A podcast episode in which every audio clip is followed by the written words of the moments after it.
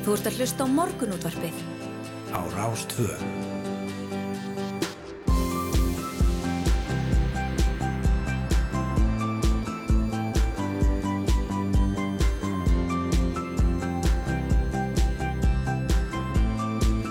Morgunútvarpið Á Rástvö. Morgunúttarpið býður góðan dag. Í dag er eh, annar mars, miðjögudagur. Klukkunum vantar tíu myndir í sjö og það eru yngvar Þór og Hulda Gestóttir sem verður hérna með ykkur til klukkan nýju. Jú, jú, það er skýta veður. Það skýta veður eins og bara verið hefur einhvern veginn síðustu daga. Við vöruðum svo sem við þessari læð eh, í þættinum í gær Já, en einhvern veginn þá, þá hann er ekki mesta stemmingin að, að vakna með þetta á, á klukkunum hjá sér. nei, það er ofsalega, mér finnst þetta ofsalega erfitt að fara fætur í, í svona slagviðri. Það Já, er já. svo notalegt að hafa kúrundi sæng, en það er ekki bóði þegar maður þarf að mæti vinnuna og það á það við um okkur flest, svo leiðis að, að, að vinna á skóli og, og uh, við látum þetta ekki á okkur fá þetta og þetta ekki við um all land en, en uh, hér á höfuborgarsæðinu er, er svona leiðinda rók og rigning. Já, En það góða við þetta er að það kannski bráðnar eitthvað að klakanum já, já, einmitt. en það slæma við þetta er að það er glerhált víða. Það er glerhált en allavega þarf fólk ekki, það væntanlega ekki að móka bílana út úr bílastæðan núna Nei. í morgunsárið. Það er ekki ný snjókoma. En við ætlum að að fjalla ímislegt í þættinum í dag eins og við gerum uh, jú gjarnan og uh, við ætlum meðal annars að fara þessi við stöðuna í Ukrænu. já, já, einmitt Jens Stoltenberg, framkvæmdastjóri Allarsans bandalagsins, segir Vladimir Putin, Rúslandsfósita, hafað rústað frið í Evrópu með einrásin í Úkrænu. Hann segir að bandalagið komi til með að venda hverja tommu á þeirra yfiráðsvæðim. En rússar hafa nú náðu sitt vald hérðum í norður, austur og sögulhölda landsin sem eiga landamærað Rúslandi og Kvítarúslandi eða liggjað Krímskaga og þá er gífurleg heiðilegging í miðborg Kharkiv, annari stærstu borg Úkrænu eftir loftárasir rússa þar í gær og hér í lok þáttar þá ætlum við að ræða við Jón Ólafsson, professor við Háskóli Íslands og sérfræðing í málöfnum Rúslands um átökin og já, svona líklega næstu skref Rúslandsfósita. Jú, jú, svo er það heimildir sem hafa fundist um hátt í 500 fortgripi frá Íslandi sem varveittir er á 13 söfnum viðsvegar í Englandi og Skotlandi. Flestir gripana komið þangað á 19. öld og það er fyrst og fremst um að ræða nýtja hluti sem tilherðu íslenska bændasamfélaginu á 18. og 19. öld og við ætlum að ræða við Guðrúnu Sveinbjarnadóttur forlegafræðing. Hún hefur um nokkurt skeið unnið að því að hafa upp á og skrásetja muni af íslenskum uppruna sem lent af á söfnum í, í, á Breitlandi og kann að tildröð þess uh, hvernig þessi hlutir lentu þar og hver afdrif þeirra hafa orðið þarna innan safnana. Já, breytar hafa nú verið duðlir í því að sanga sér alls konar sögulegum munum Já, og greinilega ná á krypum frá Íslandi þar líka. að þetta er forvinnilegt. Það er ekki bara frá Egiptalandi og, og, og annar staðar en uh, síðan er það uh, áhrifin áhrif stríðsreksturs á kauphöllina. Já, já, einmitt þetta stríð hefur náttúrulega áhrif á, margt og, og kaupöldin hefur verið í eldrauð síðustu daga eftir hinrás rúsa í Ukrænu. Þessi átök hafa, á þessi samkvæmt, mikil áhrif á hlutabriðaverð. Það er óvisa með flugsamgöngur og útflutning sjáfurafurða og við ætlum að ræða við Magnús Harðarsson, forstjóra kaupallarinnar um markaðin þessa dagana. Já, svo er það veginnur um helliseiðin og þrengsli sem hafa ítrekka verið lokaðar fyrir umferð síðustu daga og vikur þar sem færð hefur verið slæm og skikni lélegt. Hvergerðingar eru margir hverjir orðir ansi þreyttir á ástandinu og því ætlum við að heyra í Aldísi Ástins dótturbæjastjóri hverjargerði sem hefur gaggrínt að hegagang vegagerðarinnar á svæðinu. Já, ég var að opna þessu vegagerðarinnar hér Mm. Og eh, já, hvergerðingar geta fagnað því að þeir geta vissulega farið um, um þrengslu og helliseiði í dag Jæja, en það var ekki staðan í gær. Nei, en það er nú gott. Það er ágætt og síðan er já, nýr rannsókn um, um eftirlaun árin en Íslendingar eru eins og aðra þjóðir að eldast og svo staðarind félur í sér ýmsar áskoranir fyrir samfélagið.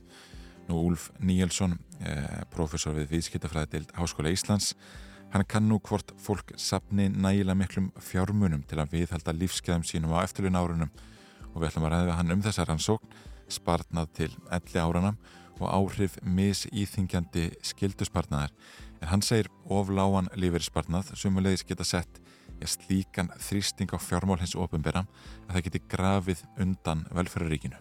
Já, Og svo er það hinn árlega vetrarháttíð í Mývatt sem hefst á förstu daginn og að venni verður bóðið upp á bæði hefðbunnar og óhefðbunnar vetrar íþróttir í stórbrotinni náttúru Mývasveitar og háttíðin hefur stækkað og dasgráin vaksið helling þannig að það stefnir hann í takmarkalösa gleði í sem flestum skilningi.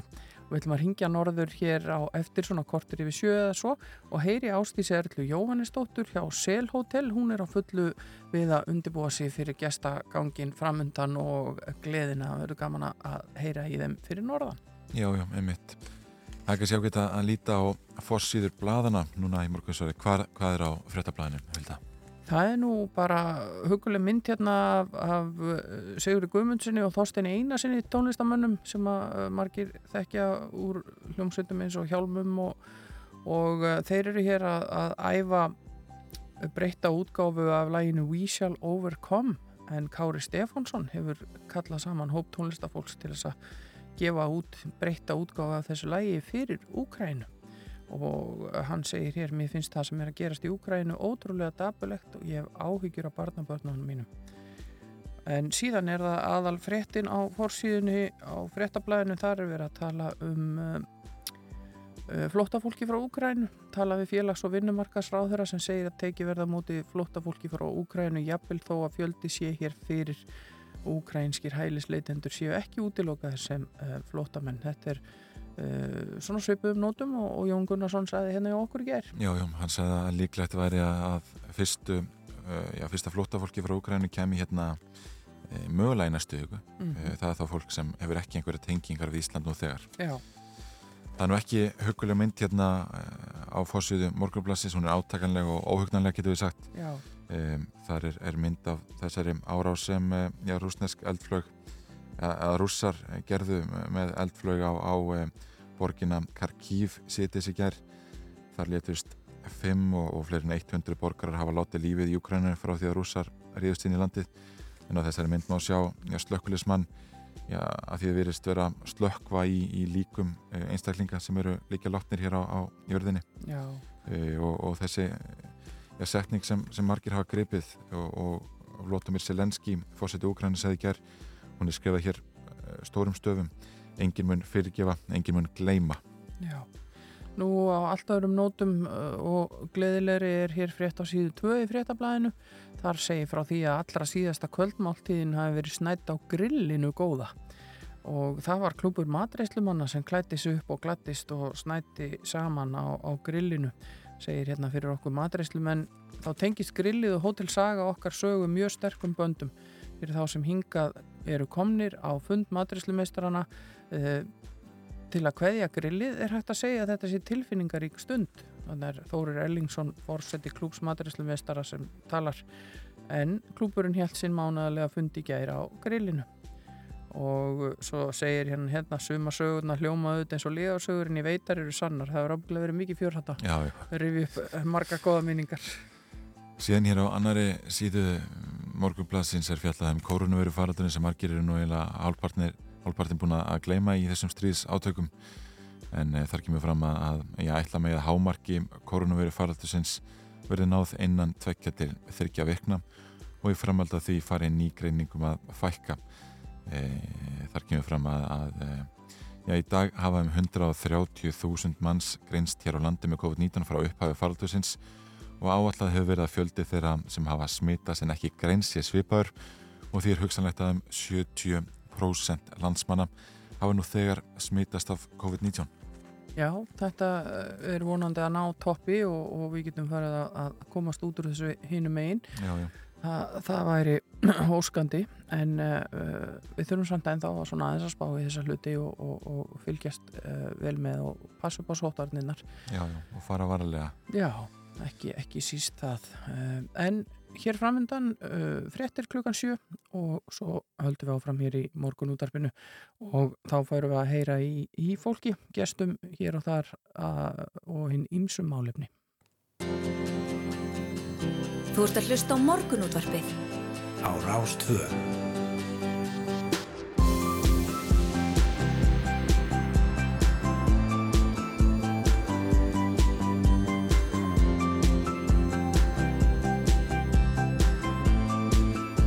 morgunútvarpið. Á Rástföð Já, við bjóðum góðan dag hér í morgun útarpinu. Það eru Hulda Geistóttir og Yngvar Þór Björnsson sem eru á vaktinni með ykkur í dag. Verðum hérna til klukka nýju venju og við ætlum að koma víða við eins og við gerum alla daga. Við ætlum að ræða við Jón Ólásson, profesor við Háskóla Íslands um málefni Rúslands og Úkrænum. Við ætlum líka að heyra af 500 eh, fortgripum frá Íslandi sem varvittir eru á breskum söpnum. Eldrauða kauphöll eh, umferðum hellisegð og þrengsli í vetur uh, eldri Íslendinga og sparna til, til uh, elli árana og svo er það vetrarháttíðin á Mývatni. Við ringjum norður og forvittnustum hana hérna á eftir. En eigum við ekki að vaða í veðriðingar Jú, ég held að það sé æskilegt. Í dag er uh, djúb læð suðvestur á landinu sem veldur suðaustan kvasviðri og rigningum með tilhengandi leysingum en á Norðurlandi hangir líklega þurft fram á kvöld, setnibartin og í kvöld fyrir að læja, fyrst Suðvestalands. Það fyrir með róleg sunnanátt á morgun og jél á Suður og Vesturlandi. En er rikning eða snjókoma um tíma við austurströndina og hitti um eða yfir frostmark. Þannig að það er, það er já, kvast í dag að vaksandi Suðaustanátt 13 til 23 metrar á sekundu, kvassast um landið Suðvestanvert, rikning eða slitta en þurft að kalla á Norðurlandi og hlínandi hitti 1-7 stig eftir hátegi. Þá var dragurvindi núna síðdegis og í kvöld einmitt. Sjáum það að við skoðum hátegiskorti í dag að uh, þá er ánum ansi kvasti í eigum eins og -hmm. stundu vil verða og uh, þá er líka svo litið kvast uh, til dæmis á Patrísfyrði og það er ryggning á vestanverðum hlutalansins og það sem er aðdeklisartingar er að það eru bara rauðar tölur og kortunum um hátegi. Já, já og það ekki bara eitt stig heldur við erum bara að tala hérna um alveg upp í, í 5-6 stig að hýta sem þýðir að það mun vantarlega eitthvað uh, láta undan í snjó og klaka. En það þýðir líka og við fundum þannig bara hér á bílastæðinu hérna fyrir utan að þar sem að hafa verið svona bunkar af snjó og klaki jafnvel undir að það er, er alveg getur verið mjög hættulegt Já, og glerhált. Þannig að það er alveg að fyrir að fara út í bíl eða, eða að lappa í, í skóla og vinnu það, þetta, er, þetta er svona geta verið erfiðar aðstæði fyrir gangandi. Nú er já, dagur fyrir mannbrotana sko. Já, nákvæmlega og, sérstaklega hér á, á Suðvesturhórninu það sem er já, gul veður viðvörun á höfuborgarsæðinum Suðurlandi og Faxaflóa sem gildir já, til klukkan eitt e, og e, það er vantilega vegna þessa kvass viðris sem heilsur okkur í morgunsárið.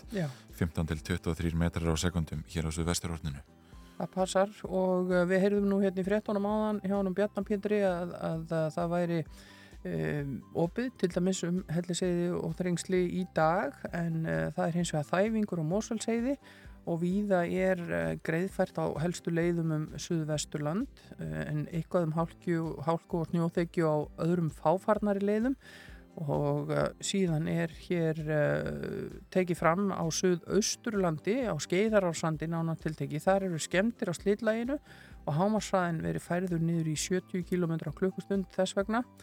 Og uh, hér er fyrir Suðurland tekið sérstaklega fram að það sé flughált á Þjórsádalsvegi og þetta er um svona það helsta hérinn á VV að gera þarna þið kíkið nú á þetta ef þið þurfið að fara eitthvað af stað og, og milli staða. Já, já, einmitt.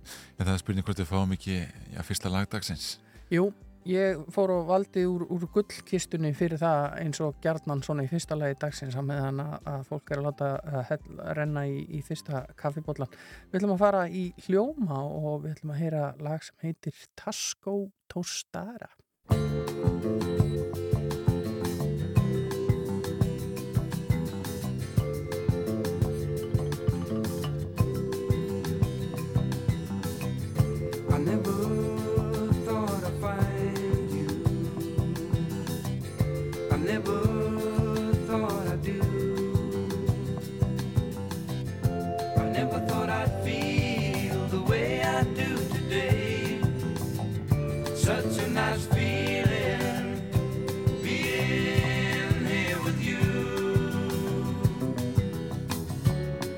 so glad, I'm so glad I found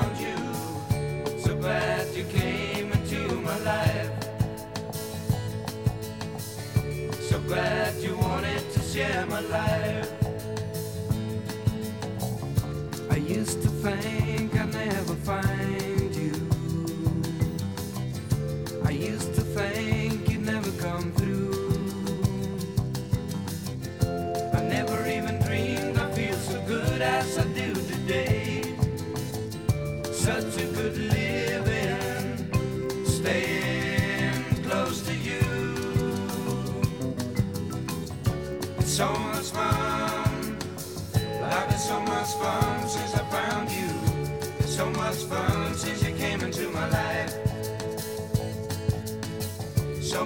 Since you wanted to share my life.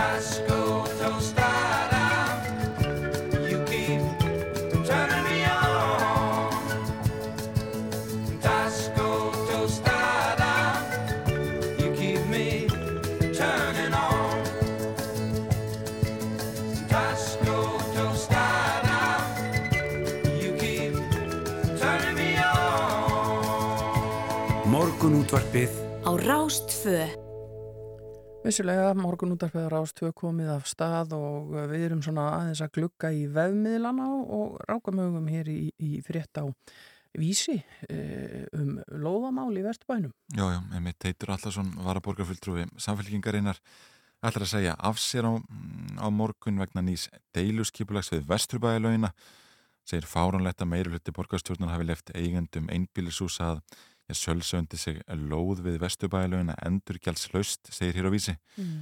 þannig, já, ákvörðin hann hefur ekki tilkynnt samflokksmönnum sínum formlega um þessi ákvörðin en, en uppsagnar brefið í smíðum segir hér á, á vefsíðu vísi. Já, og þetta snýst sem sagt um, þetta eru deilur sem hafa staðið eh, árum og jafnvel áratugum saman og snýst um lóðir sem standa við bakarð einbýlishúsa við einimel og síðan vesturbæðalögin þarna gengt þeim og uh, þarna er skipulags og samgöngur á að við leysa þessa deilu með því einfallega að stækka enga lóðunar en eins og ég skildi það snýst þetta um það að fólki sem býr þessum húsum það hefur fóstrað uh, stærri hluta þessa garðsanna fyrir aftansi Já, já, þannig að segja að lóðirnar hafa verið stærri en, en lóðamörkin segja til um. Og um, þetta var hérna til umfjöllunar í, í, í kvöldfréttum stöðvar 2 í gerkvöldi og, og hægt að sjá meira um þetta hérna inn á vísi uh, og uh, lesa uh, það sem að teiti finnst um þetta segi meðal annars hérna Uh, bara eftir þetta þá er eignaverði á þessum eignum búið að aukast um nokkra miljónir fyrir ríkasta fólki í Vesturbænum á kostnað krakka og hundafólks sem er búið að hittast þarna ár eftir ár. Þetta er skammarlegt, segir Teitur. mhm, Þetta er uh, mál sem að, uh, hefur ábyggilega ímsa hliðar en, en uh, verður áhugavert að fylgjast með. Uh, við ætlum að, að fara í annar lag áður en að við ringjum norður í Mývasveit og heyrum þar að vetrarháttíðinni og ég ætla að taka alveg uppeyga því við ætlum að fara að tala um vetrarháttíð en ég er hins vegar orðin svo að hérna að buguð á, á veðrinu og þessu sem er í gangi að ég ætla að reyna að særa fram vorið mér líst vel á það. Þannig að ég, ég fæ enn í lið með mér í læginu vorið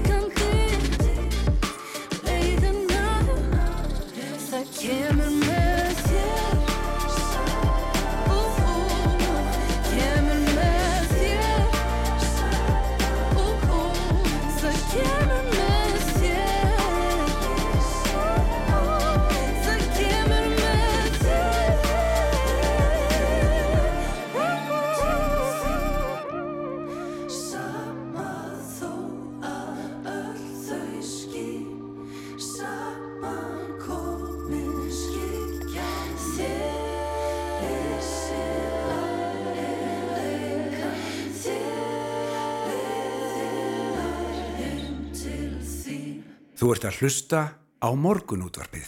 Jú, þó þarna sé sungið um vorið þá ætlum við samt næst að tala um vetrarháttíð, nánar tilteki hérna árlegu vetrarháttíð við Mýva. Hún hefst á förstu daginn kemur og að venju verið bóðið upp á allskins hefbundnar og óhefbundnar vetraríþróttir í, í þessari stórbrotnu náttúru sem finna, er, eh, finna má í Mýva sveit og háttíðin hefur stækkað og vaksið og, og það stefnir í takmarka lausa gleðið þarna og það getur við sko haft í sem flestum skilningi að því nú eru engin takmarklingur Já, þannig að já, já, það má alveg eh, safna saman og, og gera skemmtilega hluti. Loksins. Loksins og á línunni hjá okkur er hún Ástís Erla Jóhannesdóttir hjá Sel Hotel fyrir norðan og hún er á fullu að undirbúa sig fyrir hátíðina. Góðan daginn Ástís. Já, góðan að blæsa hann. Hvað, eh, svo ef við byrjum nú bara svona kannski á hefbundinni spurningu þegar við heyrum í fólki út um landið eh, að við erum búin að vera hérna aðeins að væla undan veðrinu eh, hér í höfðborginni, hvernig er veðrið í Mývasveit? Veðrið er bara mjög gott. Það er smá andvari og hvað mínus fjóra gráður, þannig að við erum ekki að kvarta hérna. Nei, og svo er þetta öskudagurinn, gerir þið eitthvað skemmtilegt í tilöfni hans? Já, ekki nema það ef að krakkarnir koma úr ekki á skóla, þá eru þau velkomin að koma að syngja og ég gefi sjálfsögðu eitthvað gott í staðin. Já, já. Hvaða nammi kjöptu þið? Við eigum nóg að selga til Já, hérna. já, er. Ég held að yngvar sé farin að skoða flug norður. Já, ég, ég er að skipuleika Já, hringferðina þetta er núna. velkomin. Já, En, en það er þessi stóra hátíð, vetrarhátíðin, uh, hún er, þetta er ekkit nýtt, hún hefur fersi í sessu, búin að vera uh, tölvöld lengi. Eh, Þetta er þriðarskipti sem við höldum vetraháttiðina við Mýva. Mm. En það eru þarna stóri viðbyrði sem hafa verið haldnir í ára tíu eins og Það er bæði Mývatn Open hestamótið og snókrosið.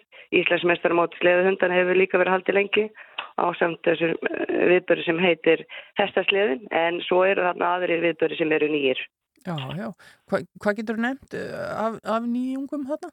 Sko við erum alltaf með skemmtilega viðböru hérna sem heitir heima milli helga. Er ekki heima með helga, heldur heima milli helga. Býtur og við, hvað, er gangið þá? Þá erum við aðeins að hugsa um heimafólkið Mm. og íbúa skútistarhefs og þingiðarsveitar þar sem við nú erum að fara saminast Mhm. og uh, erum þarna með daskra fyrir alla fjölskyldina. Það verður bóðið upp á göngurskjæðanáskið frítt hér í Mývarsveitur, Laugum og í Vaklaskói. Síðan uh, félagsvist, bæði í félagsheimilinu Breiðumiri og hérna félagsheimilinu Skjólbrekku. Og uh, svo er fólk velkomið að koma í heimsóknu í Hestúsi og Torfinnesi og það verður tengt uh, undir fyrir minnstu kynnslóðina. Mm. Og einnig verður heimsókn í fjós og fjóris og stóru þjóðnum. Já, já, þannig að það er, það er nógum að vera og, og, og margt í bóði. Nú erum við þetta búin að vera í þessu ástandi eh, allur heimurinn undarfarinn tvö ár og, og, og fátt svona verið um að vera. Finnur þú fyrir miklum áhuga í þau vona mörgum gestum til dæmis á hótelinu?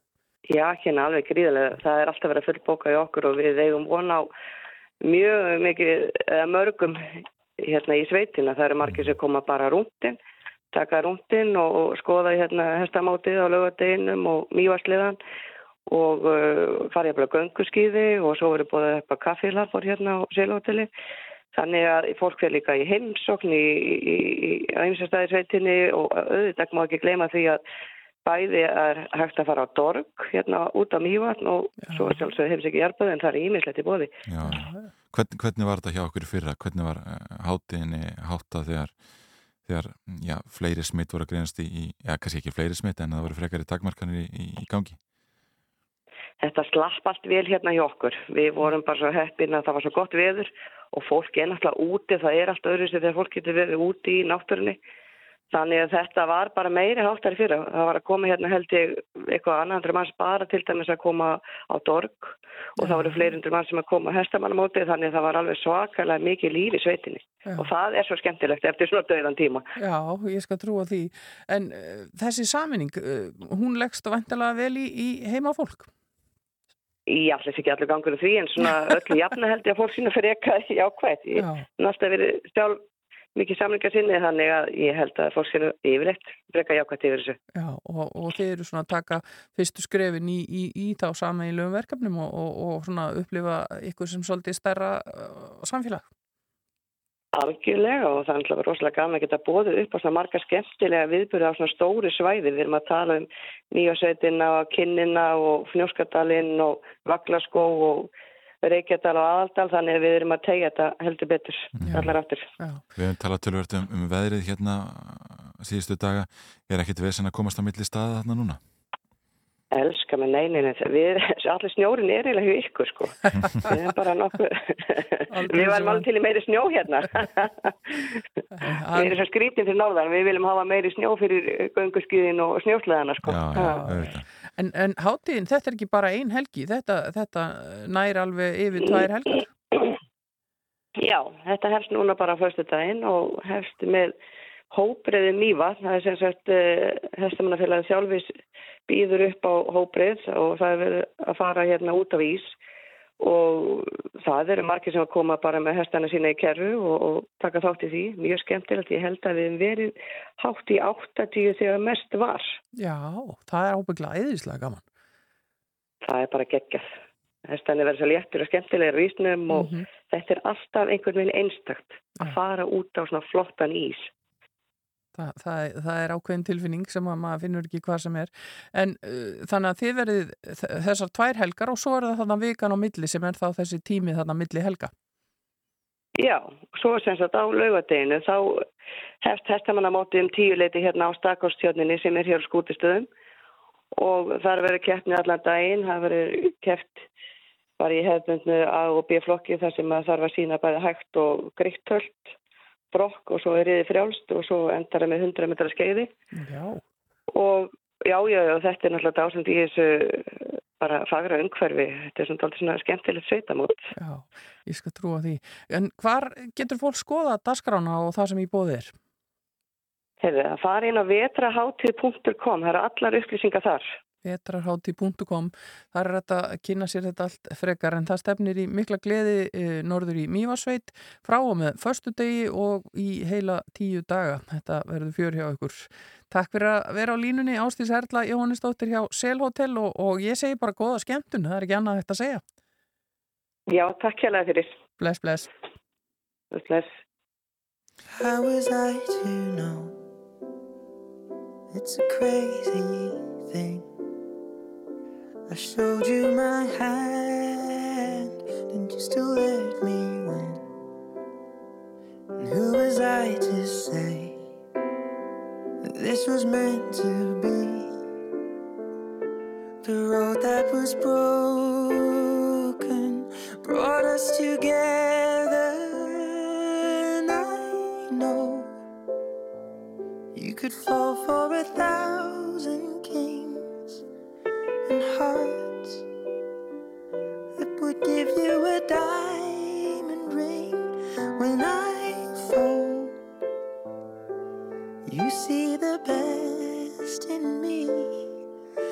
joker and the queen. I've been played before. If you hadn't guessed, so I kept my cards close to my foolproof vest. But you called my bluff and saw through all my tells. And then you went all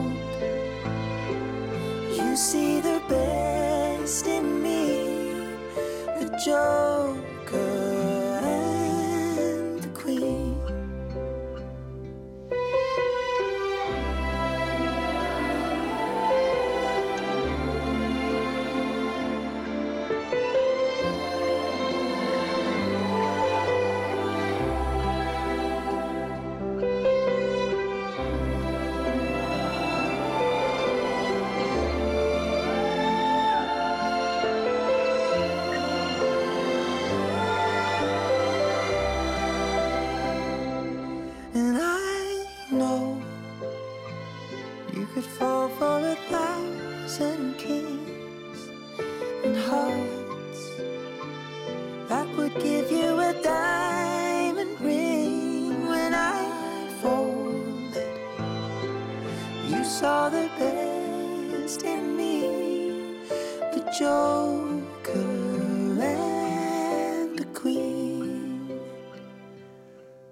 The Joker and the Queen. Já, þetta er Ed Sheeran og Taylor Swift, The Joker and the Queen heitir þetta lag, en við höldum áfram hér að loknu frétta yfirliti.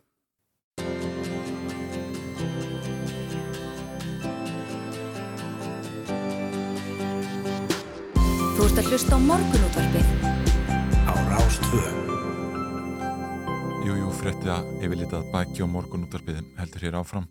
En Íslendingar eru eins og margar aðra þjóðir að eldast og svo staðrind felur í sér ímsar áskoranir fyrir samfélagið og Úlf Níelsson, professor við Viðskiptafræði deild, hann er nú að kanna hvort fólk sapni nægilega miklum fjármunum til að viðhalda lífsgæðum sínum á eftirlun árunum og hann er komin á línna góðan daginn.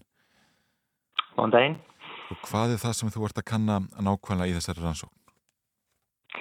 Já, við erum um þetta aðtöða þetta, uh, einfallega hvort að fólk er að spara nægilega til að uh, eiga nóg mikið nöð þegar það fer á eftirlun árin. Þannig að þegar fólk hættir að vinna þá ha, getur viðhaldið svona nokkur veginn saman neyslusti og það hafði á starfsafinni þegar tekjur fara lækandi þegar maður hættir að vinna. Að, að þá hafi fólk í raun og verið nóg að býta og brenna eins og það hafði áður það hætti að vinna. Og hvað þarf fólk að gera til þess að tryggja það? Er nóg fyrir mann að borga það sem að mann er ætlað í lífursjóði eða þurfum við að taka eitthvað önnu skref? Já, það er einmitt það sko, það er einmitt það sem við erum að skoða, hvort að okkar hérna skildusbarnar íslenska lífriðsvarskerfi er nóg, hvort að það dugar, það er eins og, eins og nefndir sko að fólk er að lifa lengur og lengur og það er þetta bara mjög jákvæmt að bætt helsa og fólk lifi lengur, en vegna þess að, þessi hópur af eldra fólki er sífælt að stækka, þá, þá getur það leitt á áskorun af sér, sko, áskorun af sér að hérna, að ef það ekki, hefur ekki næganuð, þá, þá þarf kannski fjármál fjármálins ofinbæra að koma inn og, og hlaupið tilbaka með fólki og, og það getur sett pressu okkar velferðarkerfi og, og hérna og þá er spurning sko um hvað hver og einn á að gera sko hvort að það eigi að auka frjálsam spartnað til að vera vissa um að það eigi nú örglega nóg þegar kemur að eftir launa árunum og hérna og það er einmitt það sem að skoða hvort það eru tilteknir hópar sem eru kannski verð settir heldur en aðrir mm. þegar kemur þessum tímabóti þegar að fólk hættir að vinna. Mm. Og, og blasir við að Íslendingar eru ekki að sapna nægilega miklum fjármunum svona fyrir eftirlega nárin? Nei, sko, við erum rétt að, við erum að renna á stað með hérna, með þessa rannsók. Það sem er, sko, við vitum að Íslendingar eiga mjög mikið auð í, í, í lífeyrispartnæði. Mm. En hinga til höfum við aðeins haft, sko, tölur yfir þjóðinni í heilsinni Það sem hefur gæst núna á síðustum árum og einhverjum í, Norrlandum er að þau hafa byrjað að sapna og byrsta mjög nákvæm gögnum lífeyrisbarnað og almennt uppsapnaðan auð allra einstaklinga í, í, í hérna Norrlandum svo við getum sko skoða hverju dreifing af allir þessum auð sko, hvort það er ákveðnir einstaklingar sem hérna sem vantar sérstaklega umfram aðra og eru svona aðeins útsöktir og, og hvort að sé eitthvað svona kerfisbundur ójöfnur með ákveðina hópa fólks e, milli kannski starfstjætta eða mentunastegs, uh, eh, jafnvel fjármálaþekkingu um, þegar fólk hættir og það er svona einmitt þetta sem við erum rétt að byrja að skoða núna og, og reyna að sjá hvernig, hvernig það lítur út hjá Íslandi. Hvernig aflið þessara gagna? Hvaða leið farið í rannsókninni? Þetta er sko, þetta er einlega bara eins og nokkuð sko hagstofu gögn uh, í hverju landi fyrir sig sem eru byrjað að taka þetta sama mjög nýlega. Já. þar sem maður getur séð sko hversu mikið þú hefur áiðinni inn í lífeyrisréttindi. Og, og þess utan sko eru gögnin árið það góði í dag að maður getur séð sko líka hversu mikið fólk á í hlutabröðum eða skuldabröðum eða fastegnum eða öðru. Svo við getum séð alveg hildar myndina hvað fólk á mikið. Mm og hérna og, og, og, og núna erum við rétt að, segi, byrjum, að rétt að byrja að skoða meðaltölu en, og hérna og að meðaltölu fyrir, fyrir heldina og glöggum okkur á þessu en við sjáum til dæmis að, að konur til dæmis eiga um, mun, minni uppsafnaðan auð þegar hægt að vinna heldur en karlar mm. uh, sem kannski kemur ekki mikið og óvart að fíleitinu til að konur eru með meðaltali með læri laun heldur en karlar yfir starfsæðina en þó er munur það mikið að það kemur eitthvað meira til og, og þegar við getum séð sko hvernig fólk fjárfestir yfir æfina þá sjáum við það með svo konur uh, taka minni áhættu í sínu fjárfestingum, fjárfestingum heldur um karlar mm. Og hérna og, og, og yfirleitt er það nú þannig að það, það, það þýðir að konur vegnar betur á, á, á fjármálamörkum sko konur taka minni áhættu almennt í lífinu heldur um karlar við vitum þetta að konur lendur síður í alvarlegum áraksturum og slísum í umferðinni uh -huh. og þetta sama á við um fjármálinn sko að, að konur taka yfirleitt meðaltali minni áhættu og lenda í, síður í því sem við kallum sko fjármálu slísi uh. en, en þegar kemur að lífeyri spartnaði þá er það þannig að þetta er spartnað til 30-40 ára og, og þá helst sko áhætta og ávokstun oft í, í hendur þar að segja ef þú ert að spara til 30-40 ára þá að meðaltali vegnaði betur ef þú segjum hverju hlutabref frekar en skuldabref að meðaltali mm. og, og þetta ítir heila undir sko þó að konur yfirlega gengur betur á fjármálumöknum og taka minni áhættu þá þegar kemur að lífegspartna þá gengur raun verð vegna þess að uh, það verða af ákverðinni ávöxtum yfir svona langar tíma. Og, og þetta ítir enþá undir þennan kynja ájöfnuð á, á, á elli árun Um, svo, svo þetta er svona, svona spurning sem að leitast við, þetta er eitthvað sem við sjáum bara strax í gögnunum en það er líka hvort þetta við sjáum ummiðli starfstyrta og annað slíkt sem, sem við erum að, að byrja að skoða. Einmitt. Þú talar um það að sko heldarmyndin hafi einhver liti vanta hvað var það þennar spartnað höfðu þá að einhver liti verið að taka sko ákvarðanir um lífeyriskerfið í, í myrkri? Nei, sko við búum það vel sko að við erum með uh, okkar lífeyrissjóskerfi á Norrlundum og okkar skildusbarnarkerfi svo, svo að uh, runni er búið að taka hluta til þessi ákvörn úr höndunum á okkur og, og, og það getur alveg mögulega verið gott að, að, að lífeyrissjóninlega bara sjá um þetta fyrir okkur og við erum skildu til að borga ákveðið inn. Um, og en það er þá spurningi mitt hvort það sé nóg núna þegar þjóðun er eldast. Um, við sjáum ef við skoðum tölur frá bandaríkjum dæmis þar sem uh, það er ekki sami fókus á skilduspartna, það er meiru frjálsframlug að það er stór hluti þjóðunar sem er í vandraðum þegar kemur á elli líferinn hérna, að það þarf að draga neyslu verulega saman. Og þá hluta þessu ymitt hjá okkur er að skoða hvort að þetta vandamál kannski mögulega, er ekkert vandamál hér kannski er bara einlega allir sem spara nóg um, en það verður vantilega þannig að það er þó mismikið uh, milli hópa.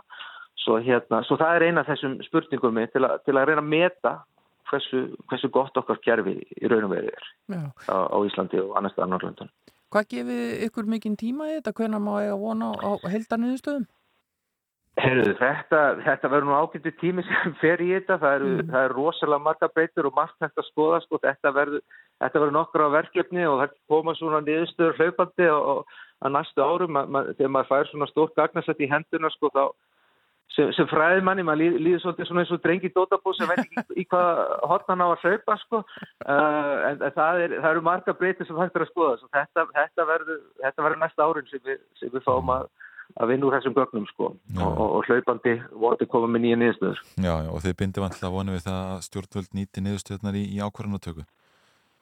Já, ef við, ef við vitum til dæmis, ef við getum sko bent nákvæmlega þann hóp sem, sem, sem þarf aðstóð eða, eða hérna er í áhættuhópi fyrir að, fyrir að hérna að lendi í lífi þegar, þegar kemur á ell árin, þá, þá leiðir það beint af sér að, að, að það er sagt að mæla með um einhverjum aðgerðum uh, til, handa þeim hópi. Svo, svo það er, jú, það er í mittvæntingarnar að, að þetta muni geta hjálpa stjórnstöldum í að, í að uh, setja sína stefnu.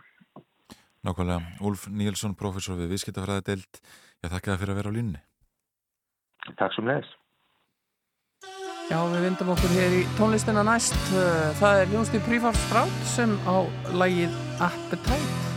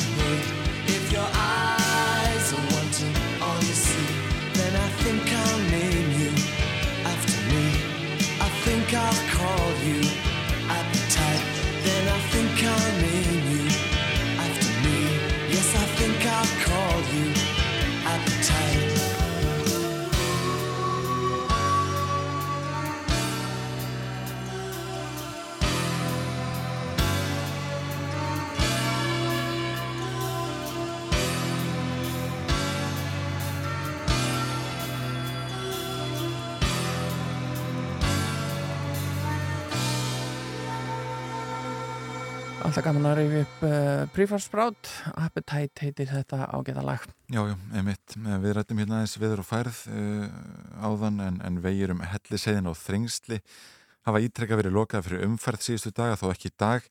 Þessi færð hefur verið slæm og skigni lélegt og ja, hvergerðingar margir hverjir orðnir hansi þreyttir á ástandinu og Aldís Hástinsdóttir bæjastjóri hverjargerðir komin á línuna, góðan daginn. Já, góðan daginn. Ég, sko, það hefur verið lokað fyrir umferð þarna ítrekkað einhvern veginn síðustu daga og, og vikur. Hvernig er það fyrir hvergeninga að, að komast ekki yfir heiðina eða, eða, eða taka þrengslin að, að þurfa að já, sitja svona viður á sér?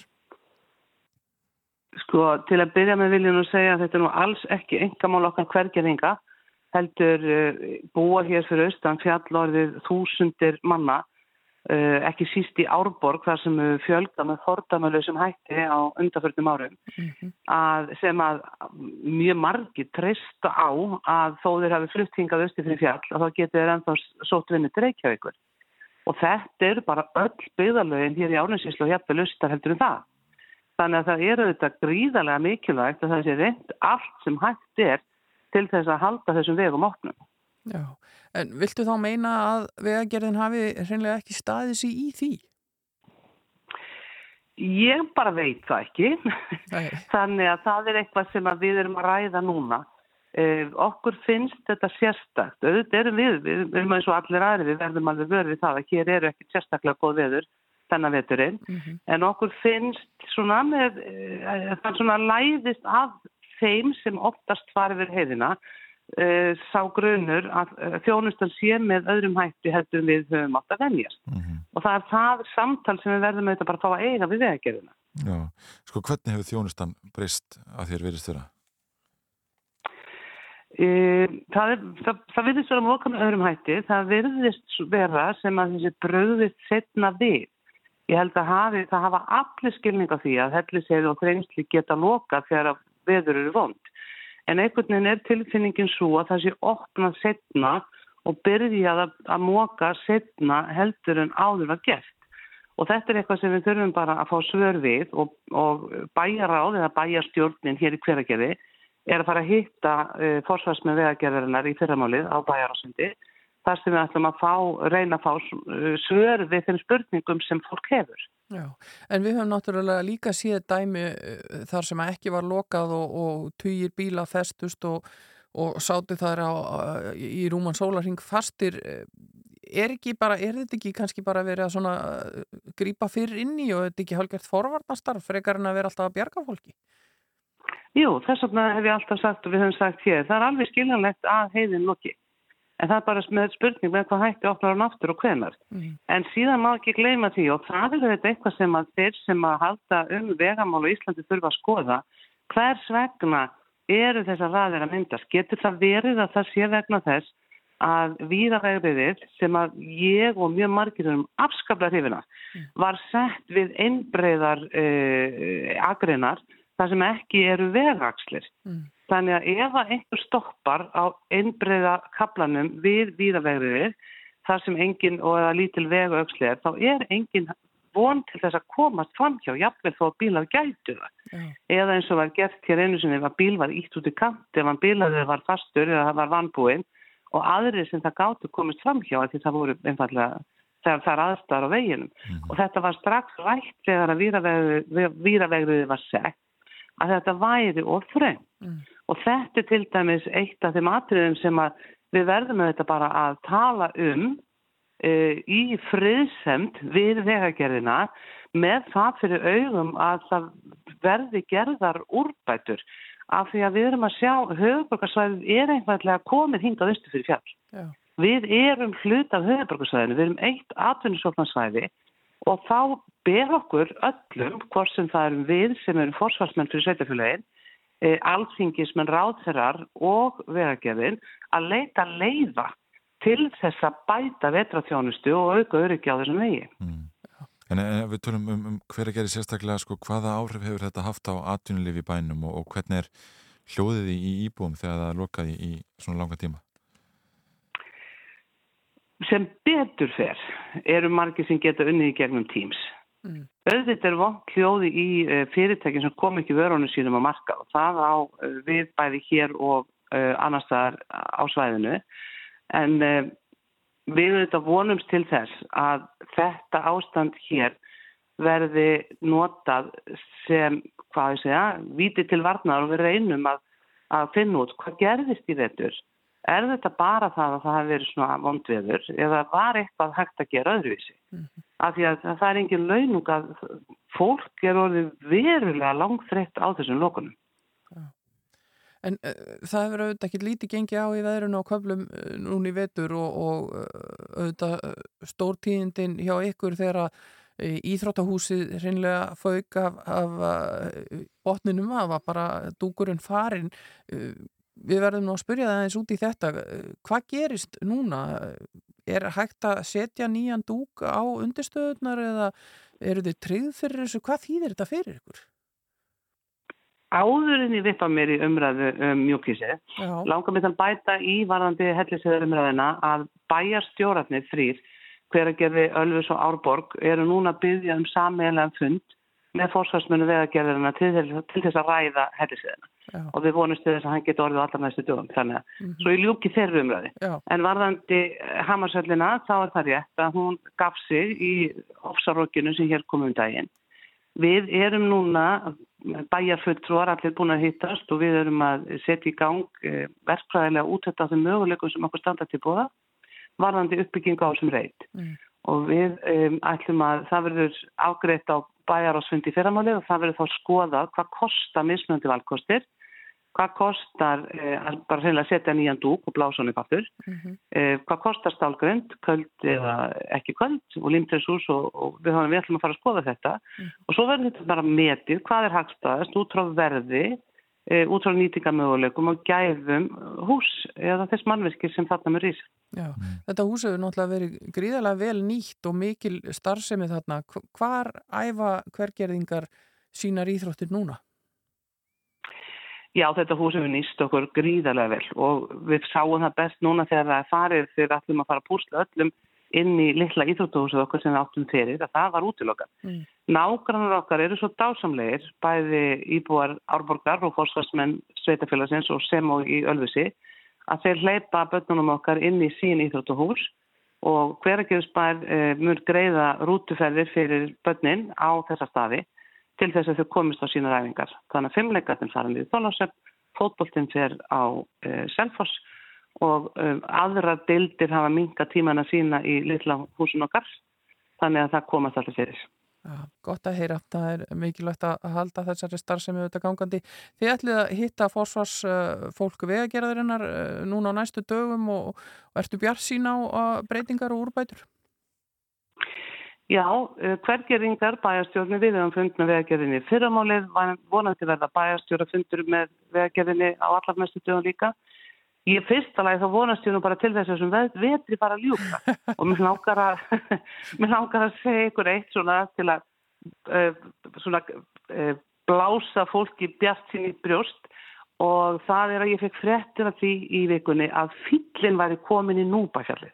Já. Núbafjallið skagar hér fram úr helliseginu rétt fyrir neðan hveragerði Mhm. og þar sást til fylsins sem er fyrsti vorbúðin hér í nágruninu. Já, það er, Þannig að það er ég góða fréttir fyrir allavega alla. varð svo, það voru mjög góða fréttir fyrir alla. Já. Já, og ég vona bara þessum veðrum fara að ljúka og að við lærum öll að því hvað, fór úrskeiðis í veður og hvernig getum við bæta. Já, gott að heyra, uh, við nennum ekki að byggja til lóunni, við sættum okkur við fílinn, hann er frábær, takk fyrir að vera á línunni, Aldís Hafstinsdóttir bæjastjóri hver að gerði og fara yfir þetta með okkur.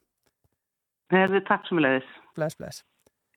Já, við ætlum að halda áfram hér í morgun útarpinu eftir áttafréttinnar fáum við til okkar fórstjóra kaupallarinnar, við ætlum aðeins að ræða ja, ástandið á mörguðum í, á meðan á þessum stríðsrekstri stendur. Og við ræðum líka forgripi sem varvittir eru á söpnum í Englandi, það er að segja íslenska forgripi og svo ætlum við aðeins að taka stöðuna á Úgrænu uh, stríðinu. En uh, fram að fréttum ætlum við að heyra í Red Hot Chili Peppers og uh, þeir syngja hér Black Summer, þið heyri það sumarið er okkur hugleikið. A lazy rain am I. The skies refuse to cry. Cremation takes its piece of your supply. The night is dressed like noon. A sailor spoke too soon. And China's on the dark side of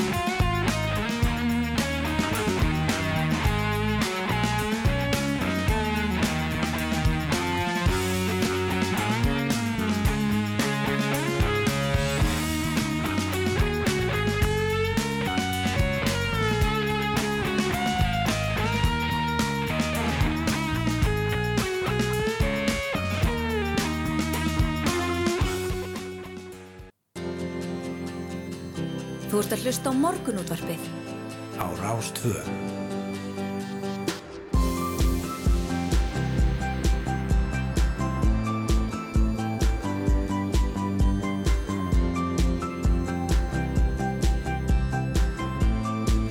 Morgunútvarpið Á Rástfö. Áttafréttir að baki og morgunútvarpið heldur hér áfram. Uh, hér eftir smá ætlum við að ræða við Magnús Harðarsson, forstjóra kaupallarinnar um markaðin þessa dagana en kaupallin hefur verið mjög eldröð síðustu daga eftir innrás rúsa í Úkrænu. Síðan ætlum við að ræða um uh, já, hátt í 500 forgripi frá Íslandi sem eru varvettir á söpnum í Englandi og Skotlandi og endum síðan þáttin á yfirfærðum stöðuna í Úkrænu með Jóni Ólafsinni, eh, sérfræðing í málöfnum Rúslands. Jú, jú, en við reynum líka að vera létt og, og kátt svona inn á milli læða og, og uh, það er fátt betra en að henda í smá káká ef maður vill fara þangað og hér heyrum við næst í káká bandinu og læginu um besta vinninu.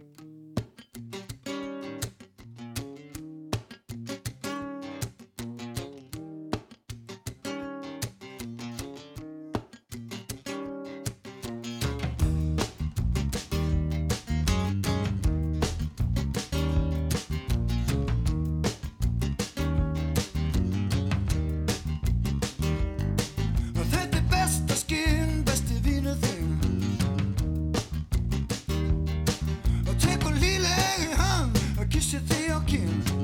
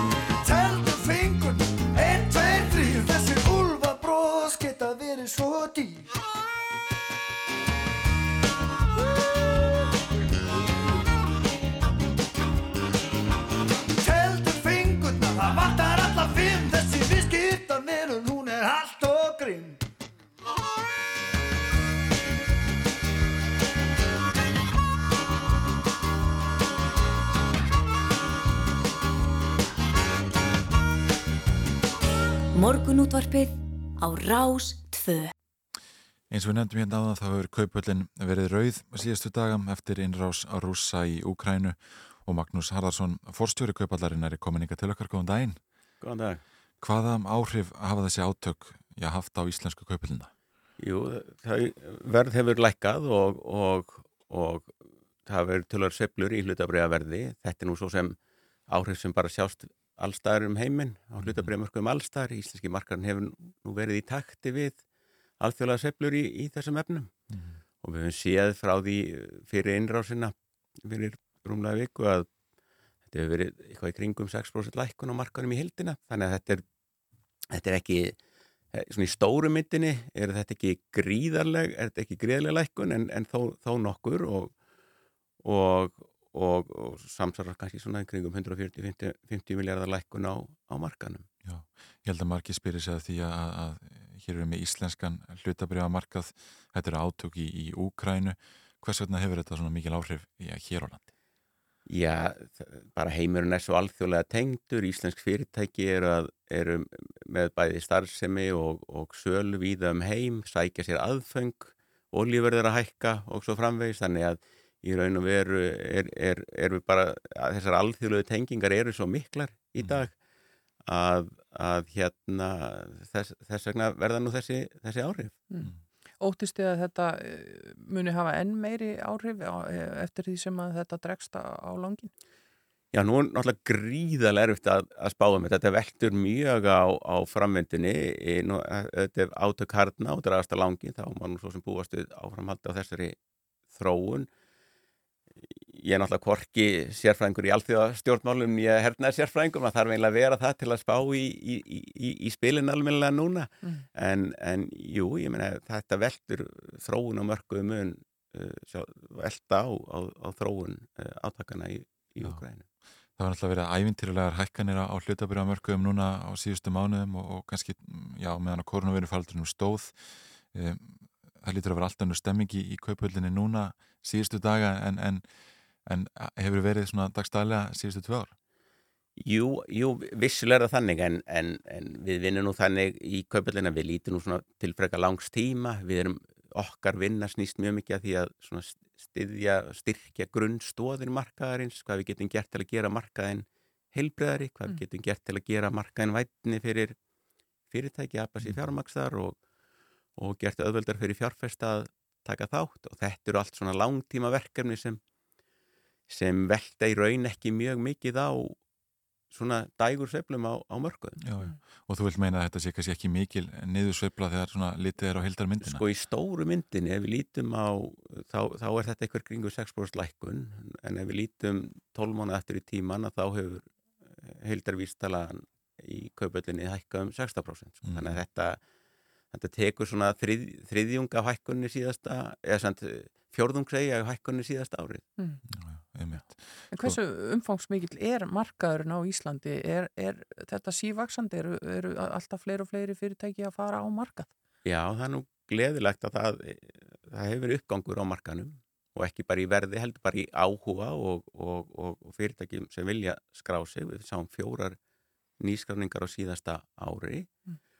og ég myndi segja, nú er ég að nálgast að hafa verið 20 ári í kaupöllinu og ég held ég að við aldrei orðið vitna jafn miklum áhuga fyrirtæki, fyrirtæki að skrá sig í kaupölluna eins og, eins og núna.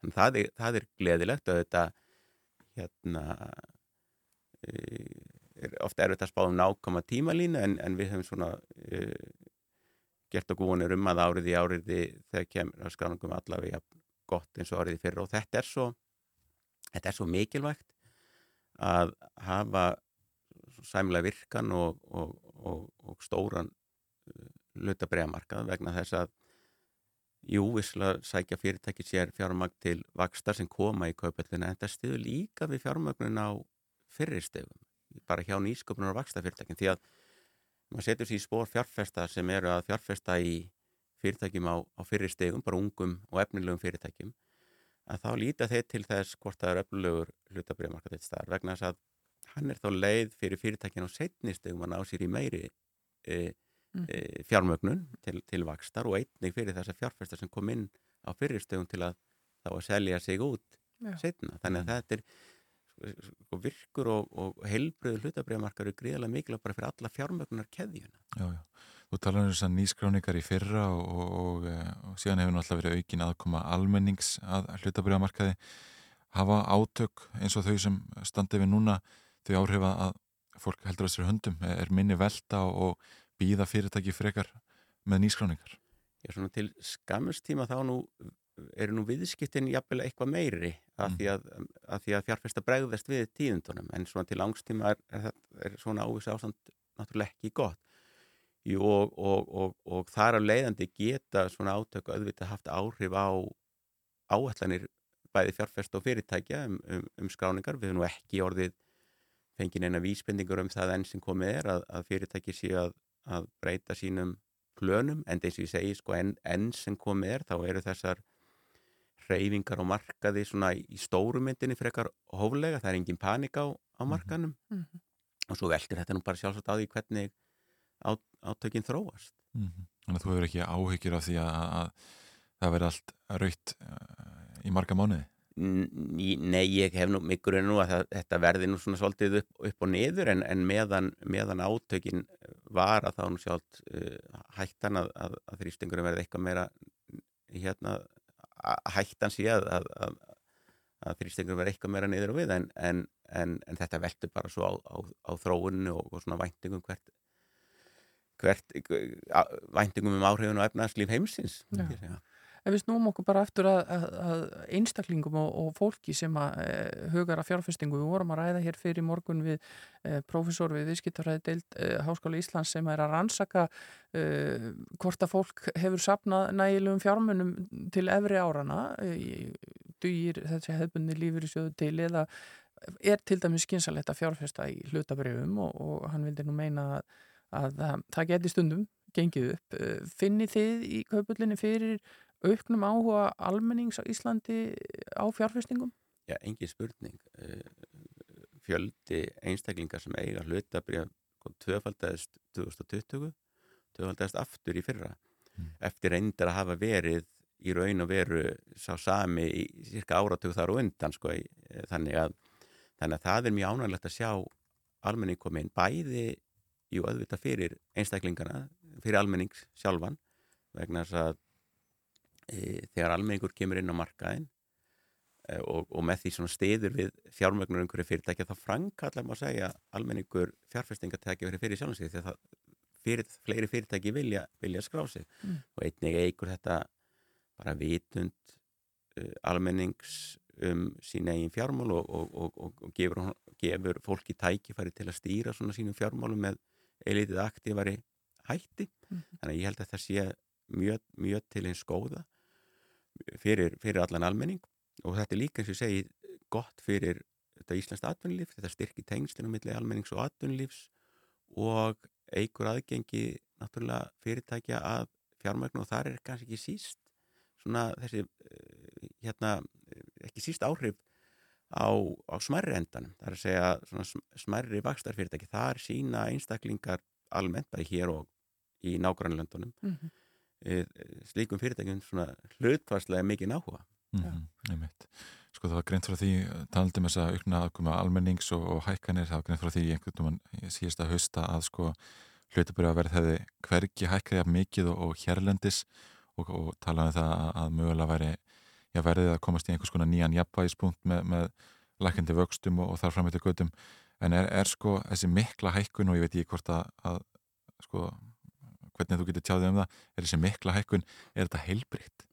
sko ég er verði að skoða þetta í sko augljóslega um að bara byrja því að þá er hækkun eins og við eh, sáum á undanfjörðum missurum er náttúrulega ekki einhver meðalhækkun sem hægt er að vænta yfir langan tíma en ef maður skoðar þetta svona aðeins í stóru myndinni og lítur nokkur ár aftur í tíman að þá í raun og veru að íslensku hlutabriðamarkaður ekkert átt uh, svo, óskaplega mörg góð ár uh, átt alveg príðileg ár Mhm. en, en, en við getum sagt að, að það hefði verið kannski 5-6 ár frá síðustu svona miklu hækkun og ef maður leggur þetta svona saman, tekur eitthvað meðal hækkun yfir lengri tíma þá er nú ekki er, er, er, þetta ekkit ó- þetta ekkit gríðarlega óvunlegar hækkanir? Þannig að maður lít, tekur svona leiktin yfir lengri tíma. Mhm. Og þú nefnir það að það er vonað einhverjum, einhverjum nýskráningum núna uh, á þessu ári.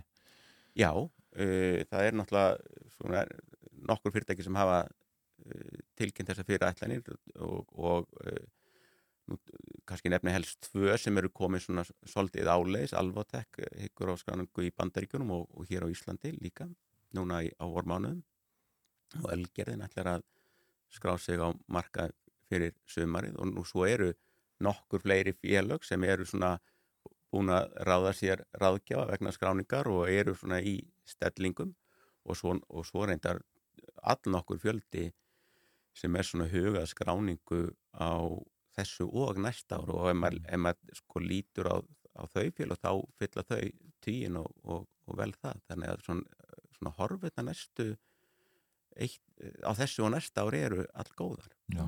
Og þá bara almennt að hlutabýra í kaupöldinni. Já, svona var, var, og þá er ég nú að tala, um- ég er nú ekki, ég, ég þykir svona ekki spámar um, um þróun hlutabrifar sem ég nú, eins og ég segja, sagði áðan, þegar maður einbetir sér svona að uppbyggingu markaðarins til lengri tíma og, og styrkja stórans og, og, og, og tryggja það að hann sé heilbriður og þá er ég nú svona að hor, horfa til þess að þetta svona umhverf er alltaf, er alltaf, er alltaf styrkjast og, og ekki, ekki, ekki einungis með ekki aðkomu e, einstaklinga og innleitra fjárfesta heldur að svona er, gera okkur um góða vonur um að, að áhuga erlendra fjárfesta sé líka glæðast í íslenski markarin e, við hefum vonað því íslenski markarin fari inn í svona stærri alþjóðlega vístölu núna síðar á árunni þannig að svona horfiðnar á þessum svona almennu Mm. uppbyggingum markarin séu góðar Einmitt. Ég held að þetta séu ágætt uh, loka orð hérna. Magnús Harðarsson, fórstjóri kaupallarinnar, þakka fyrir að ræða við okkur. Takk fyrir mig.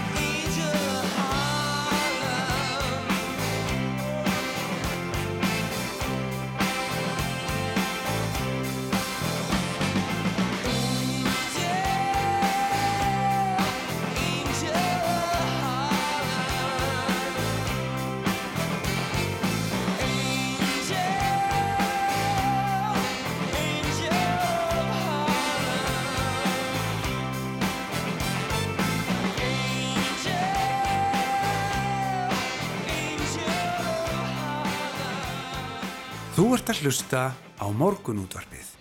Já, það er öskudagur í dag, yngvar. Ertu búin að finna þið búning? Nei, það er eiginlega leiðinlega að við sitjum hér hvorurt í, í öskudagsbúningi. Algjör í lúða.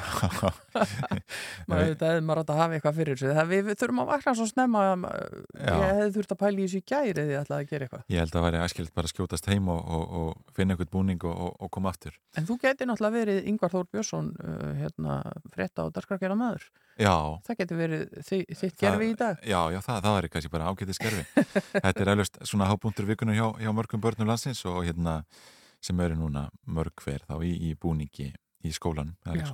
Það er bara mjög, mjög gaman að því og, og uh, ímsar aðferðir notaðar orðið við þetta þessum staðar er gengið í hús í hverfum og þá eru húsin mert uh, sem að vilja taka móti börnum Já, já. og svo er enn þá verið að fara í fyrirtæki og svona skipta skoðanir á því ég sá nú búðareigand að vera að tjá sig á Instagram um það að þetta væri nú orðið svolítið úrelt fyrirbæri en uh, allavega skemmtilegu dagur sem að lífgar upp á tilveruna Já, já. Ég fyrir var, var eh, já, Viðir Einarsson, hann nefndi það. Vinsæll í Hann, búinu hann, já, já, já, já, fréttir.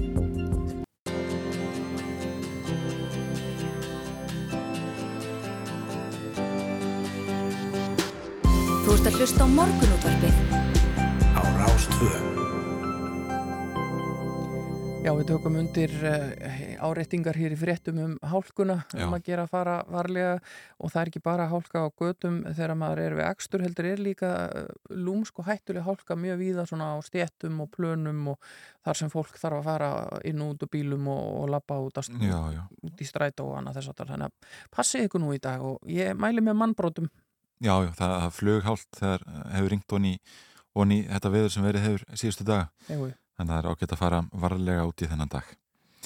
En við eh, ætlum aðeins að, ræða um, já, hátt í 500 forgrippi frá Íslandi sem eru varveittir á 13 söpnum vísværi í Englandi og Skotlandi og Guðrún Sveinbjörnadóttir, eh, forlega fræðingur, hún hefur nokkurt skeið unni að því að hafa uppi á og skrásetja muni af íslenskum uppruna sem hafa lent á söpnum í Breitlandsegjum og hún er komin ykkar til okkar, góðan daginn. Góðan daginn. Herri, þú hefur verið að skoða uh, þessa forgripi. Uh, hvað verður til þess að, að bresk söpn fara að varðveita íslenska muni? Þetta, flestir þessi gripi fóru til Breitlands á 19. öld og þetta var svona, það var mikill áhugi á söpnun og mörg söpn voru stopnuð á þessum tíma. Þetta spratt svona upp úr romantík sem var allstæðar í Evropa á þessum tíma og um, yðinvæðingunni líka.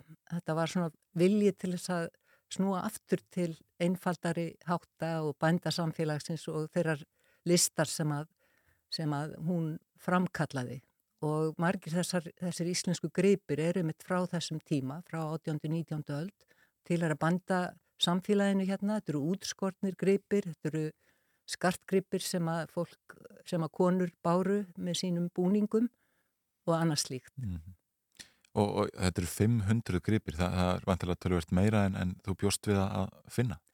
Já, ég fann heimildir í byrjun um þegar ég var að skoða skrár um hátt í 500 en svo þegar ég fór að skoða skrátunar betur og uh, þá minkaði það nú svolítið, þetta voru svona tví, eitthvað, tvítök og ýmislegt sem að hafði ekki lent á söfnunum en var samt einhvað, einhverja heimildur um að hefðu kannski geta lentar Mm. Og svo þegar ég fór að skoða gripina sjálfa þá minkaði þetta ennþá meira, Mm. þá voru sumir ekki lengur á söfnunum og um, ég endaði með svona 335 eitthvað svo les minni mig. Já.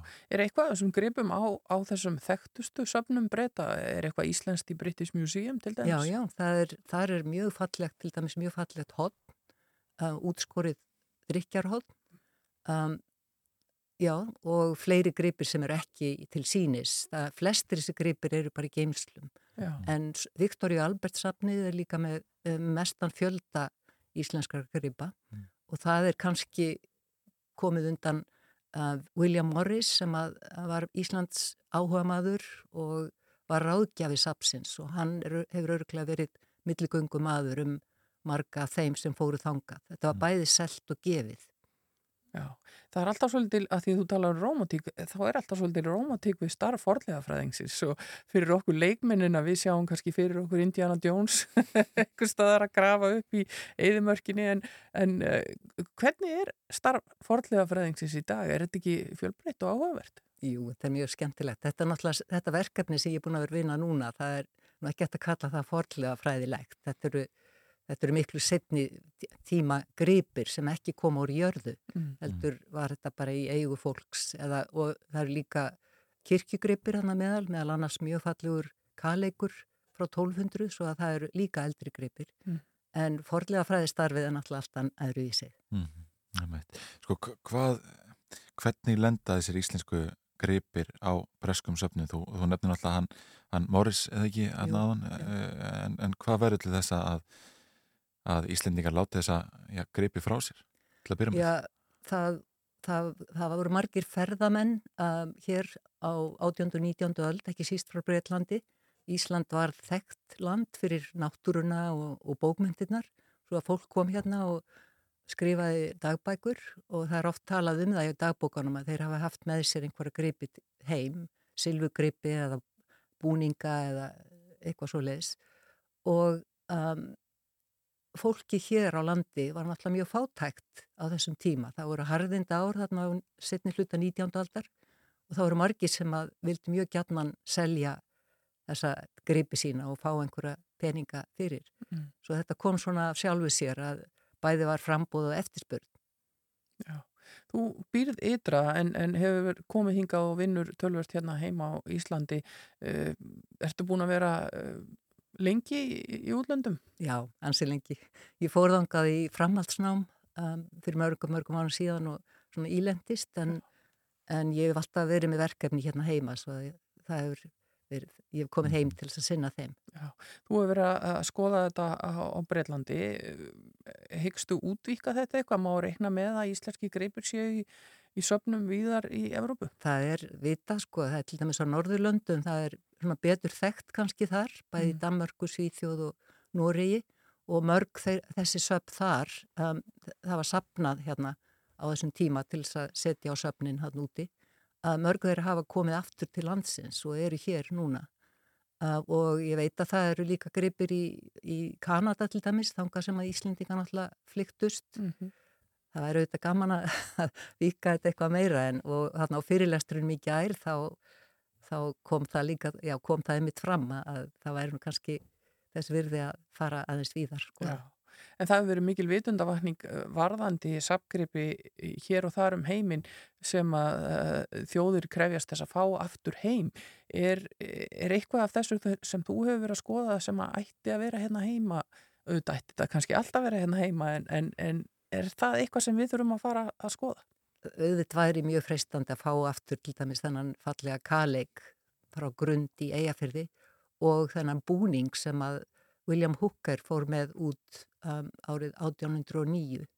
Þetta er afskaplega fallegur svo kallaður brúðarbúningur eða faldbúningur Mhm. sem hann kifti hérna og þetta var náttúrulega kift og svo, svo Þannig að þessu var ekki stólið eins og eða tekið í stríði eins og kannski margi gripir sem er verið að endurheimta. ekki eins og til dæmis á British Museum það sem var kannski borgað eitthvað fyrir þetta var tekið meira og minna í og þetta er, þetta, já, þetta er að gerast eins og þú segir á mörgum til frakkara til dæmis þeir eru mjög duglega við að skila og það er oft einhverju gripi sem tengjast trúabröðum eins og hérna Benin uh, Bronzes svo kalluð, það er verið að skila þeim Mm. og, og brettar uh, gríkir hafa mikið reynd að fá aftur Elgin Marbles um, sem var á, á Akropolis Mm. en það hefur ekki gengið og kannski, mætti kannski segja að British Museum myndi kannski hálf tæmast ef að, ef að það byrjaði en mér finnst að það væri hægt að, að kannski skipta út eða er eitthvað svona eins og Elgin Marbles sem, að, sem er mjög tíðingamikið fyrir Grikki Mm.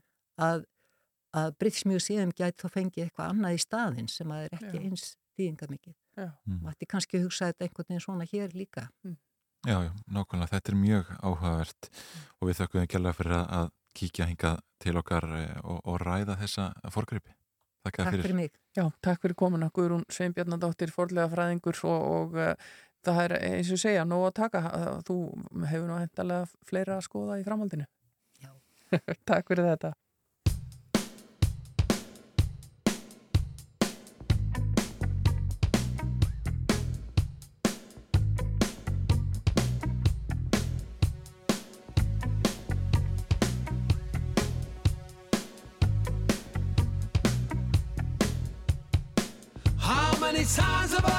This dream that wakes me from my slumber? How will I ever get to sleep again? Counting sheep in a book of numbers. How many times have I had this dream with you walking towards me from the river? And when will I ever get to rest again? Wondering if I can deliver.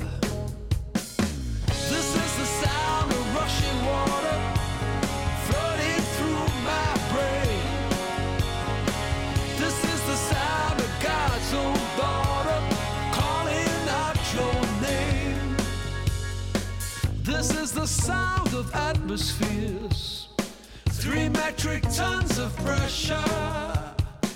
This is the sum of all my fears, something I just can't measure. I remember the story of Jonah. He was trapped in the belly of a whale. How many times must he succeed? How many times must he fail? This is the sound of rushing water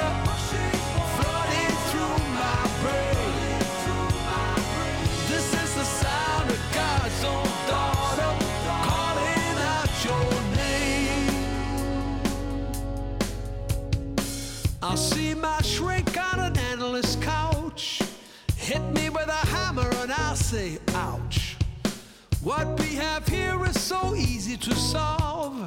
Just takes a firm purpose and some resolve.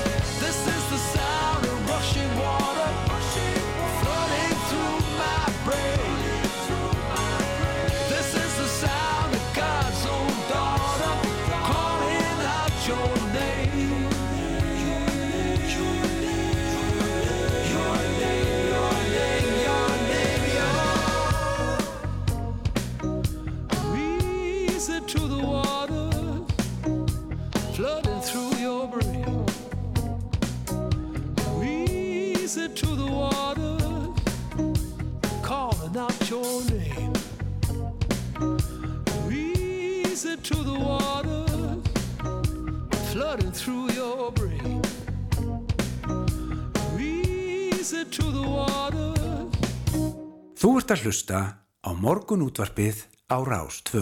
Já, heyrðum þannig sting, það var ekki annað hægt en að henda í einn alveg breskar en allt brest þegar við vorum búin að spjalla við hana Guðrunu Sveinbjarnadóttur hér um uh, munina sem er að finna á bresku söfnunum. Mjög áhugavert mál.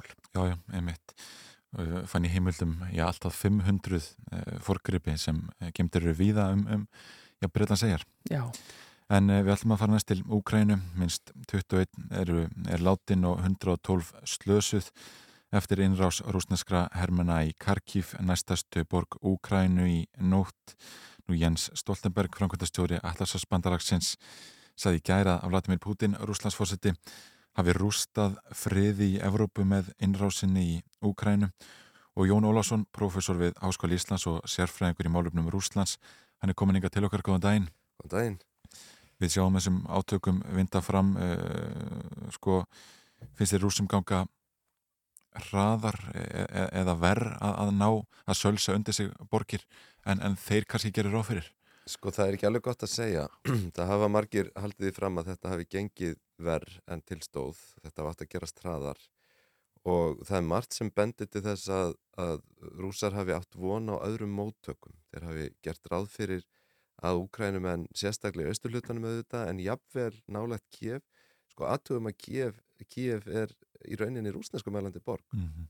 Ef maður eru á götu í Kiev þá heyrir maður miklu frekar rúsnesku heldur en úgrænsku. Mm. Þannig að, að kannski hafa, uh, hafa menn einhvern veginn búist við öðru og það hefur líka verið talað um það til dæmis að uh, hermennir og fóringjarnir sem eru að fara þarna inn að þeir hafi verið undirbúnir einhvern veginn undir það en ég samt verð að segja ég er aldrei vantrúaður á að, að það hafi slík glámskigni hafi í rauninni verið til staðar hjá því fólki sem þekkir stöðum ála og mér finnst líklega að við séum að sjá í rauninni uh, herrferð sem að, að byggir á því að, að beita kannski því afli sem nöðsynlegt er.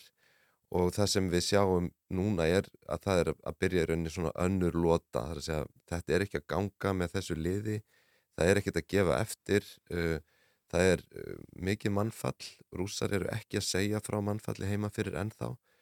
Og, og þess vegna þá uh, þegar maður sér til dæmis þessa risavöxnu lest sem að er búin að vera, búin að vera í fréttu núna í meirinn sólarhing á leiðinni Mhm. norð, norðan frá til Kíf að þá, þá er augljóslega næst á dagskrá að umkringja borgirnar. Og Mhm. það sjáum við í Suðri, Marju Úpól er sagðu vera umkringt í dag Hersson sem er eh, aðeins minni borg held ég er, uh, hún, hún á að vera komin í hendur rúsa uh, Kharkiv þar hef, hafa verið bardagar þar hefur einfallega ekki gengið að ná borginni.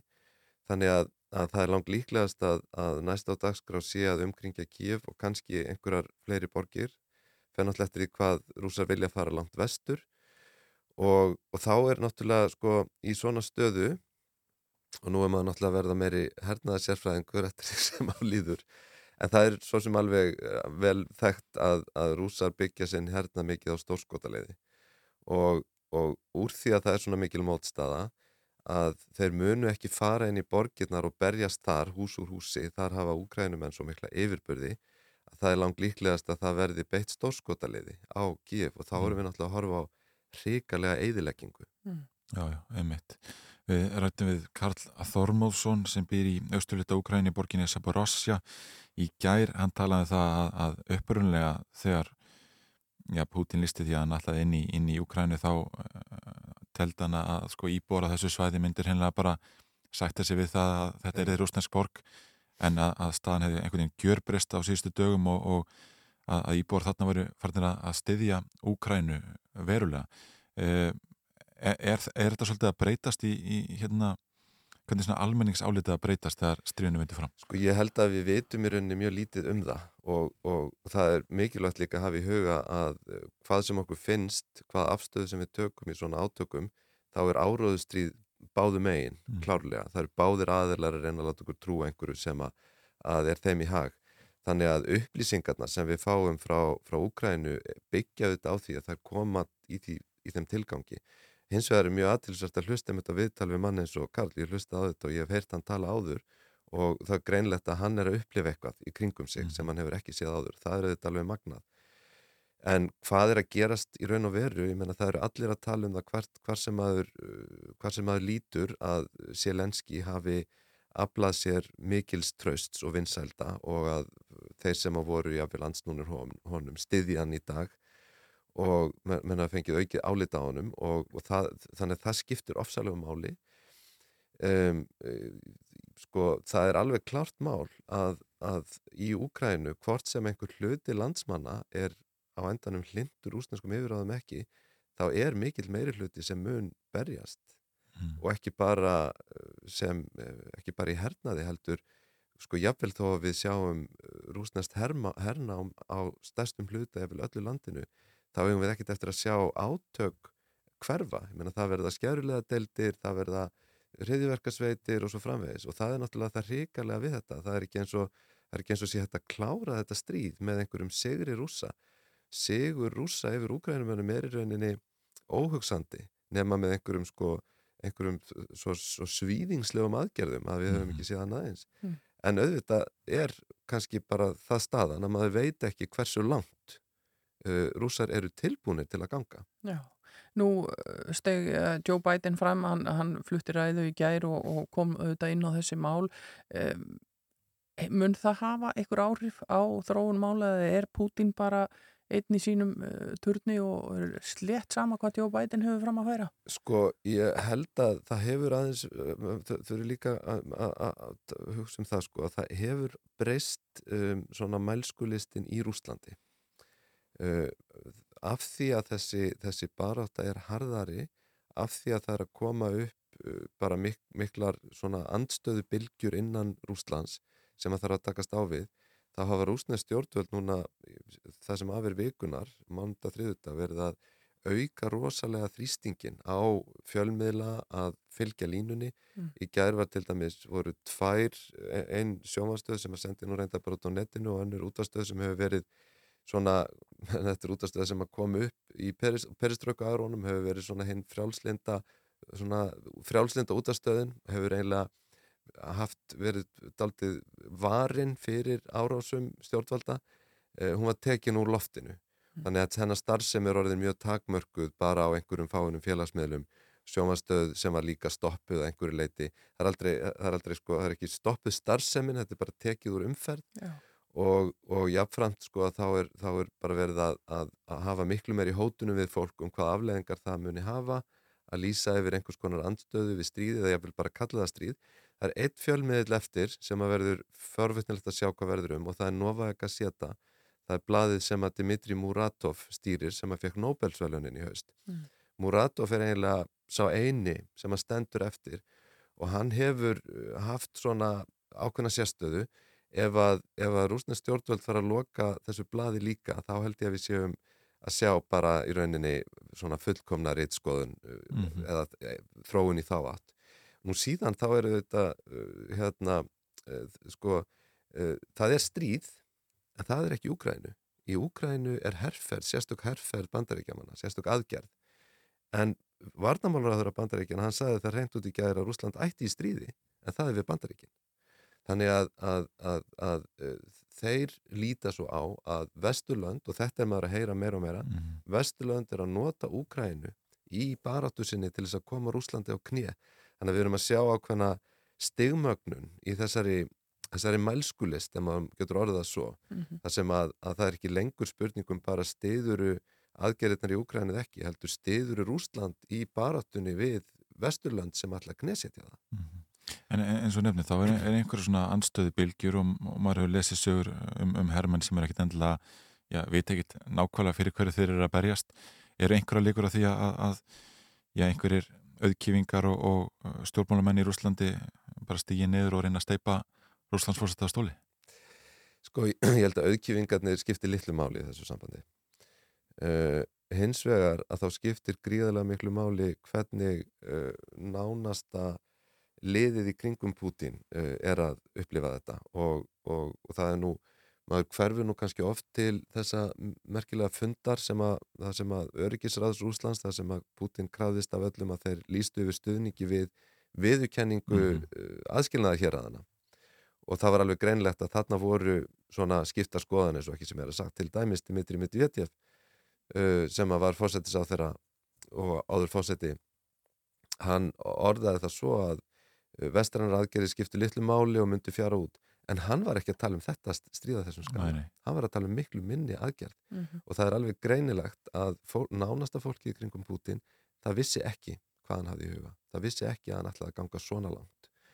Og menna, ennþá þá eru, menna núna er þetta spurningum bara lojalistana sem að standa með honum alveg til enda. Varnamálar á þegar hann er, er þannig bandamaður, hann mun aldrei yfirgefa sinn mann, myndi ég halda en það eru aðrir í kringum hann og, og sko uh, ég held að eina, nú er ég ekki að segja þetta sé líklegt, en eini möguleikin á því að við sjáum uh, skyndilegar stefnubreitingar er svo að þessi hópur uh, nái einhvern veginn að tala sér saman og stilla sér upp á móti Pútín og ídónum til hliðar. Það er eina, það eina sem ég sé sem möguleika en, en eins og ég segi, ég er ekki að segja að sé eitthvað líklegt. Nei. En, hvert er loka markmið Rúslandsfórseta? Er eitthvað þetta spá fyrir um það? Sko, það, það er, eh, það bendir allt í þess að, að uh, það sé uh, inn í myndinni að sagt, taka allt landið og þó að hann hafi margsinni sagt uh, að rússar hyggist ekki hernema Úkrains land að þá er bara hans orðanótkun þannig að maður getur ekki alveg verið vissum að maður skilja það svona út frá helbriðiskynsemi.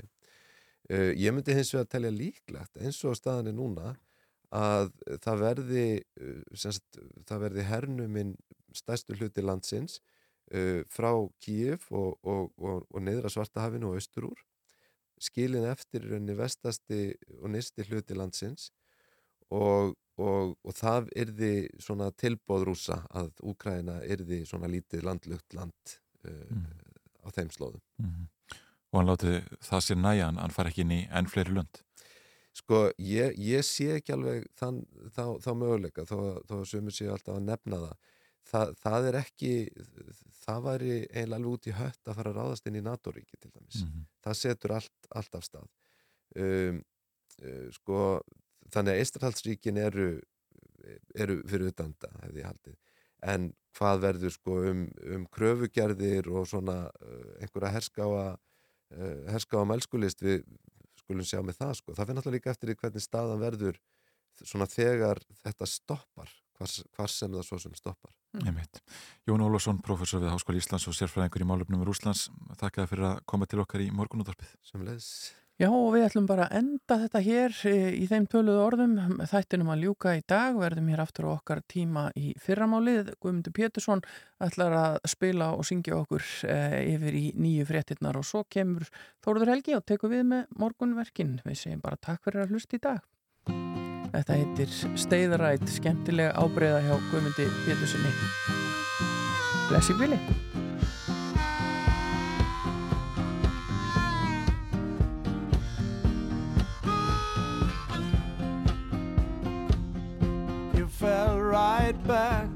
On your back, let it slide through the door. And as the door was ajar, things grabbed in from the past.